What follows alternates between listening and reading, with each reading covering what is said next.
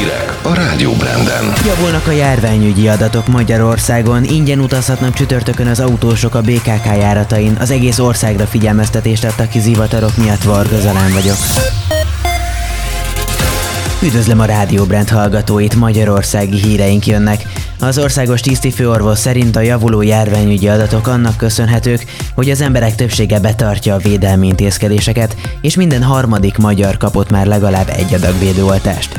Müller Cecília az operatív törzs tájékoztatóján hangsúlyozta, a héten több fajta vakcina is érkezik Magyarországra.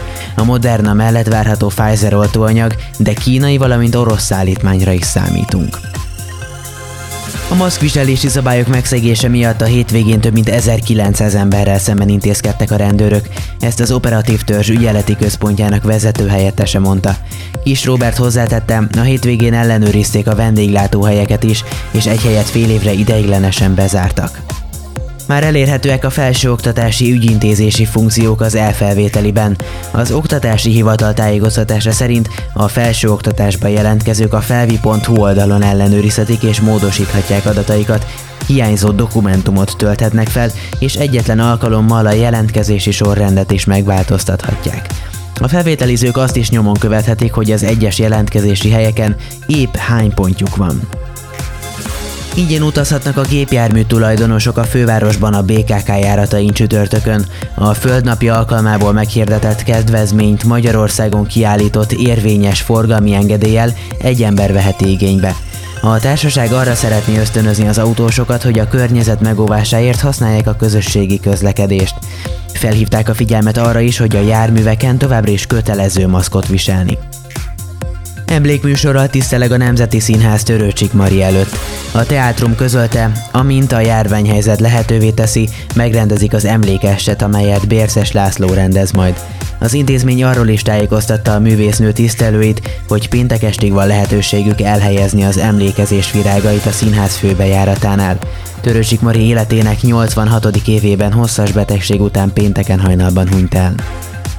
Virtuális sétán lehet megtekinteni az országházat. A járvány miatt nem látogatható az épület, ezért egy 45 perces online bemutató keretében járhatják be az érdeklődők az épület nevezetes termeit, így a díszlépcsőházat, a kupolacsarnokot, valamint a képviselői társalgót és az üléstermet is.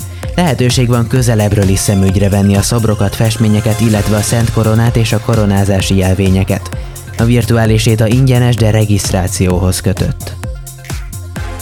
Díjat nyert Horváth Lili filmje a Clevelandi Nemzetközi Filmfesztiválon. A felkészülés meghatározatlan ideig tartó együttlétre című alkotás a legjobb közép-kelet-európai filmnek járó elismerést kapta. Legutóbb a Dublini Nemzetközi Filmfesztiválon a legjobb rendezésért járó elismerést nyerte el a film. A közeljövőben Európa szerte, valamint Kanadában, Latin Amerikában és Ausztráliában is bemutatják az alkotást. Sport. Ellenzi Magyarország is az Európai Labdarúgó Szuperliga létrehozását. Orbán Viktor kormányfő közölte, a sportág mindenkié, azt nem sajátíthatják ki maguknak a leggazdagabbak. Ezért a miniszterelnök üdvözli az UEFA törekvését, amely határozottan kiáll az új bajnokság létrehozására irányuló törekvések ellen. A Superliga létrehozásáról éjjel állapodott meg 12 európai futballklub, köztük a Manchester United, az Arsenal, a Liverpool, a Juventus, a Real Madrid és a Barcelona. Az UEFA és a FIFA súlyos szankciókat helyezett kilátásba. A Superliga életre hívását élesen bírálta Boris Johnson brit miniszterelnök és Emmanuel Macron francia elnök is. Időjárás.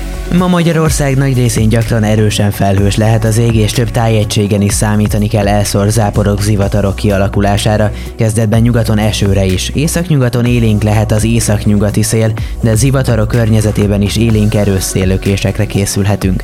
Hajnalban 1-8, délután 11-16 fokot mérhetünk. A szerkesztőt Varga Zalánt és a Rádió Brand híreit hallották.